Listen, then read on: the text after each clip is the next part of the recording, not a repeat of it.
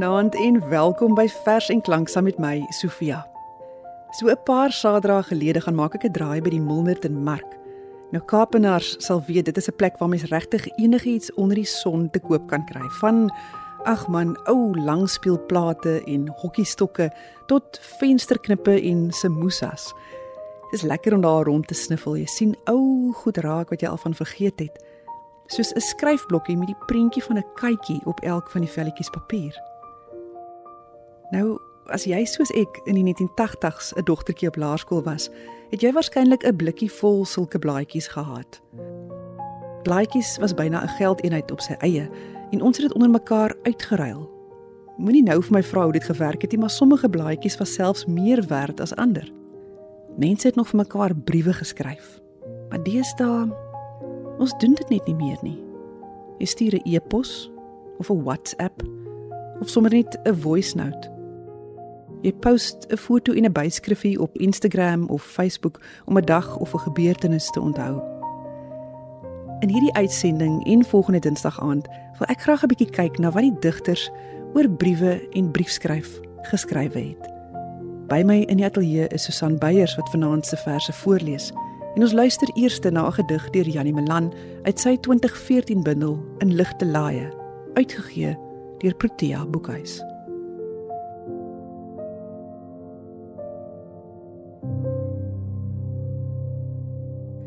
Klipbrief. Die ingetoe cellist, nou begrafnisondernemer, verduidelik in die film Departures aan sy geliefde Hoe in die ou dae, voor die geduld van papier en die ongeduld van Twitter, jy bloot 'n klip as brief kon stuur. Die grootte, vorm en tekstuur spreekend van hoe jy voel. Watter klip stuur ek vandag vir jou? Die spoelklip, glad en rond, uit 'n helder stroom gelig, een wat maklik deur jou vingers glip, of dalk 'n donker steen, meer bonkig wat my gemoed in swart verklip. Nee, Liewer net 'n rond lê, sommer so klippie, om tussen duim en voorvinger uit die heup te skiet, te bons oor die water en te midde van die rimpels in jou alledaagse hart te sink. 'n Brief is baie soos 'n gebed, in die opsig dat dit 'n monoloog is wat jy voer, 'n eenrigting gesprek. En die een met wie jy gesels, kry nie kans om dadelik te reageer nie. Dis dalk hoekom ons so vrymoedig is om net soos in gebed ook in 'n brief ons harte uit te stort. Biegbrief is 'n gedig deur Fanny Olivier. Biegbrief uit Skimmelig uitgegee deur Human en Resou 1978. Liewe God wat naby ons wil woon, ek het so lank van jou vergeet in hierdie plat land waar alles keurig, middelmatig en georden is. Toe gister het 'n hond my op my rug in my gesig gelek, my oop gelek. Vergewe my dat ek so lank lank iets van my laat hoor het, maar dit was nes asof jy weggeraak het, soos droom. Kom nou, erken dit maar. Jy weet dis moeilik om aan jou 'n vat te kry. Was dit ons wat slim geraak het, God? Of was dit jy wat self, toe jy sien hoe dinge loop, skeef loop, jouself tot hierdie alledaagse leegheid omgetoer het? Hoe was dit toe die mense nog kon sien hoe lyk jou oë? Hoe klink jou praat toe jy lank en te saamgestap het in die aand en afgebuk het om 'n blom te troos, ons stil gemaak het as 'n nagtegaal of padda roep? Weet jy dat ek soms regtig, regtig, regtig twyfel daaraan dat jy bestaan? Ek bedoel, as iets wat mens kan ken, as iemand om mee 'n pyp te stop en skemer oor die dag se dinge te sit en koffie op die stoep. Kyk, alles wat ek ken maak skade weer. En alles het refleksie in 'n spieël, behalwe God. Kan jy verstaan dat dit soms moeilik is om vat te kry? En dan kom daar soos gister.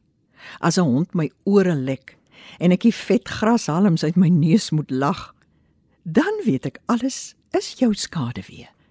En alles word daar iets van jou weerspieël. Soms sien ek jou in iemand se stil gesig, Voel hoe jy aan my arm raak, my vang as ek wil val en hoor jou praat as almal om my slaap, intiem en sag, soos mens met liefde maak. Skryf gou, want ek verlang. Jy is ingeskakel by Vers en Klank saam met my Sofia van Taak en die voorleser Susan Beyers. Ons luister vanaand na gedigte oor briewe. Hoe gereeld maak jy nog jou posbus oop? En wat is dan binne-in? Gemorspos, 'n rekening vir water en ligte. Ek is seker jy kan wel 'n tyd onthou toe jy daardie kussie elke dag so hoopvol loop oopmaak het en dan kom die brief of die poskaart uiteindelik. Maar ag, die nuus is soms so skraps. Dit sou byna beter gewees het as jy eerder niks gehoor het nie. Poskaart deur Malise Joubert uit Splintervlek uitgegee deur Protea Boekhuis 2011. Par avion is die poskaart gestempel met 'n suikerbietjie seël. In Zambië word die gras nou goud. Op die foto waggel kameelpere, vyf ingelit met 'n 20-tal bene oopgevurk, betitel as Giraffa cameliopardalis. En jy skryf: Alles gaan goed hier, maar geen netwerk nie. In die herfs het jou poskaart my opgesoek. Die son is 'n geel granaat, bars oop in happe wind en blare, val soos rooi pitte op my stoep. En jy vertel: Die weer is heerlik. Die son skyn, die rivier is vol en impalas hardloop oral rond. My kop buig lank gesteel oor jou skrif. Verlange is 'n dier wat dorstig is. Ek gee die katte stukkies vis en lees jy skryf Ek stap die heuwels vol. Ek soek na rotskuns. Ek slaap heerlik in my groot tent onder die mopani boom. Kom jy ooit terug? wonder ek. Terwyl die duwe in die voelbak bad, mekaar verjaag by die strooisel saad langs die wingerdroes. Kom jy voor die winter terug?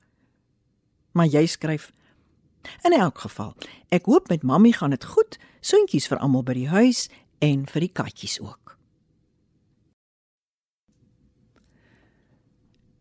Die volgende paar gedigte het ek almal in Elisabeth Eyber se bundel getiteld Balans gevind. Sommige van hierdie verse is in Suid-Afrika geskryf terwyl die res waarskynlik Eyber se eerste werk in Nederland saamvat. Want dit dateer uit die jaar toe sy van haar man geskei is en na Amsterdam verhuis het. 'n Tyd waarin die digter self 'n nuwe ewewig moes vind, van haar lewe moes bestek neem en sekerlik baie besluite te mekaar moes opweeg.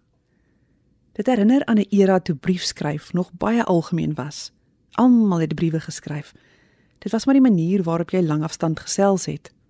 En as jy 'n krangige briefskrywer was, het jy dalk selfs jou eie brieweskaaltjie gehad, een met sulke piepklein gewiggies waarmee die posstuk se gewig moes uitbalanseer. Dan kon jy bereken wat die posgeld daarop sou wees. In hierdie paar gedigte skryf Eybers oor hoe 'n brief jou verbeelding kan aangryp en jou na 'n heel ander land kan wegvoer, na daar waar die brief vandaan kom. Sy vertel hoe 'n brief jou so kan laat verlang dat die trane al loop die oomblik wanneer jy die blaadjies oopvou. Of dat jy sommige dae die straat staan en dophou met die hoop dat die posman 'n brief, 'n paar vertroostende woorde van 'n dierbare sal kom aflewer. Briewe skaal. Vandag het ek 'n nuwe snuistery vir my verwende fantasie gekry.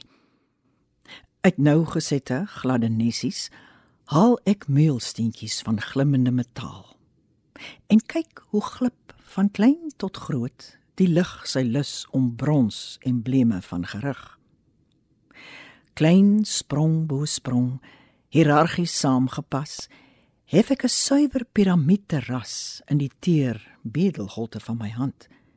Die nestelnis van impuls bo verstand en lê dit terug in die kiaathoutwieg.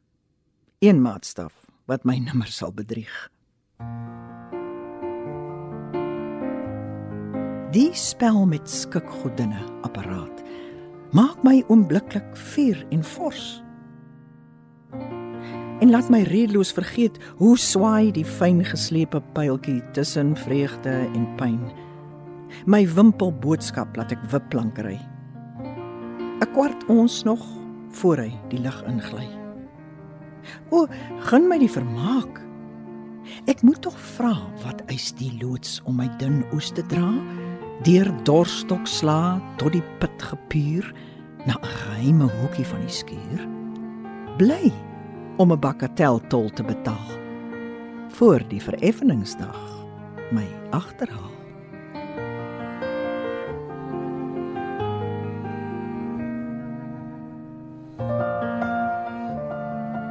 Brief in Januarie.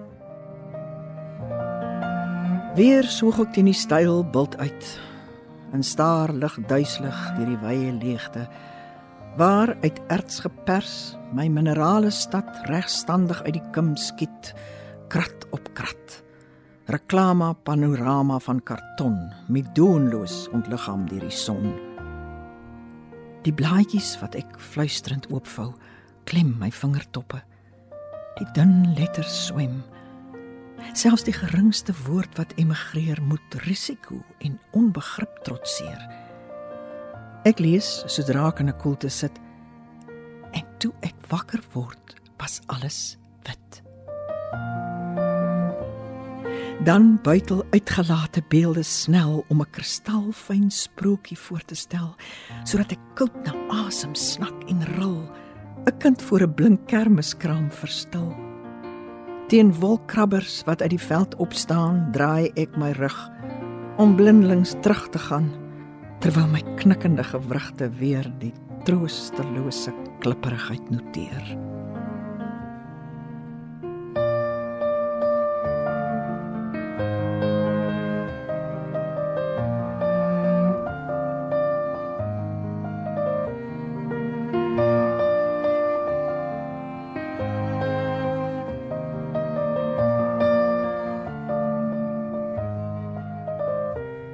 briewebesteller.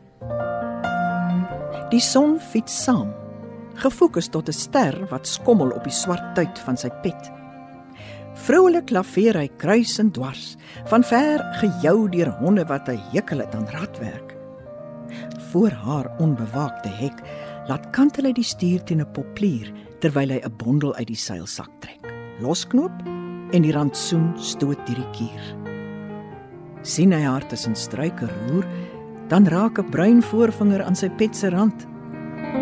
Klein Gabriel, geoefen in die taak van noodlots boodskapper en afgesand, maar sonder te vermoed. Een het eenmaal die lettergrepe van haar naam so sag, verwonderd en afsonderlik herhaal dat sy sinsdien dieselfde klank inwag. Sy kyk nog lank aandagtig agterna terwyl die eter hom al verder dra.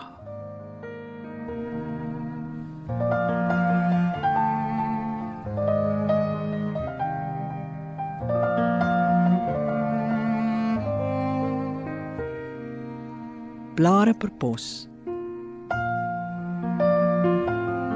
Twee herfsblare, gewebde paar aan een pols vas, doodsbleek deur aar het vroegeltak tot siens gewenk. Die wind ontwyk met 'n kort swenk. Die suiderkruis gekies tot skuif. Dag lank, nag lank 'n boog beskryf.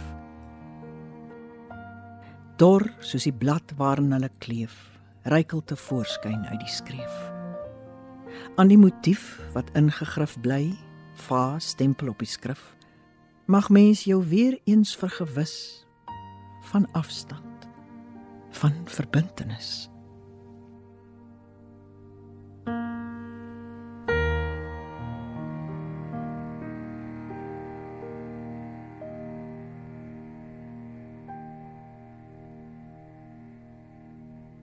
Soms kry 'n mens mos die bevlieging om 'n vertrek in jou huis 'n slag reg te ruk. Dan begin jy voor die voet weggooi en uitdeel. Maar dan kom jy ook gewoonlik iewers in 'n laai of onder 'n kas af op iets uit die ou dae wat tog nog sentimentele waarde het en besluit om dit maar weer eens te bære. Maar dit laat jou nog steeds iets voel, soms 'n bittersoet emosie. In Sandra Besuidenhout se geval is dit 'n stapeltjie briewe van 'n geliefde van lank gelede. Vrou wat briewe lees uit derde gety uitgegee deur Human en Resou in 2021. Voor die raam vou die wintersonne Charlie om haar skouers, was sy briewe lees van hom aan haar. Hoe ligtig was sy toe nog om die eerste botsels dig te hou. Maar vir die vrou was dit eersigtig, soos sy ouderwetse skryfpapier. Met die omblaai kom uit die geritsel beelde los. Hoe groen akkers swel om in die laat somer te verglaas heuningbruin en tot barstens ryp net voor die val. Die sonkolom skuif oor die briefgesprek in die vrou se tenger hande. Sy let op hoe die stem verander. Dan staan sy op en draai na die ruitjiesglas om die laat lig met haar liggaam vas te hou. Sy gloei as sy die briewe wegvou en die stapel stryk met nuwe lint. Een van Ingrid Jonker se bekendste gedigte is As jy weer skryf uit die bundel Kantelson wat Afrikaanse Pers Boekhandel in 1966, 'n jaar na haar dood, gepubliseer het. Soos in baie van haar verse, hoor mens die eensaamheid, die hinkering na 'n geliefde wat haar verwerp het. In hierdie geval Jack Cope.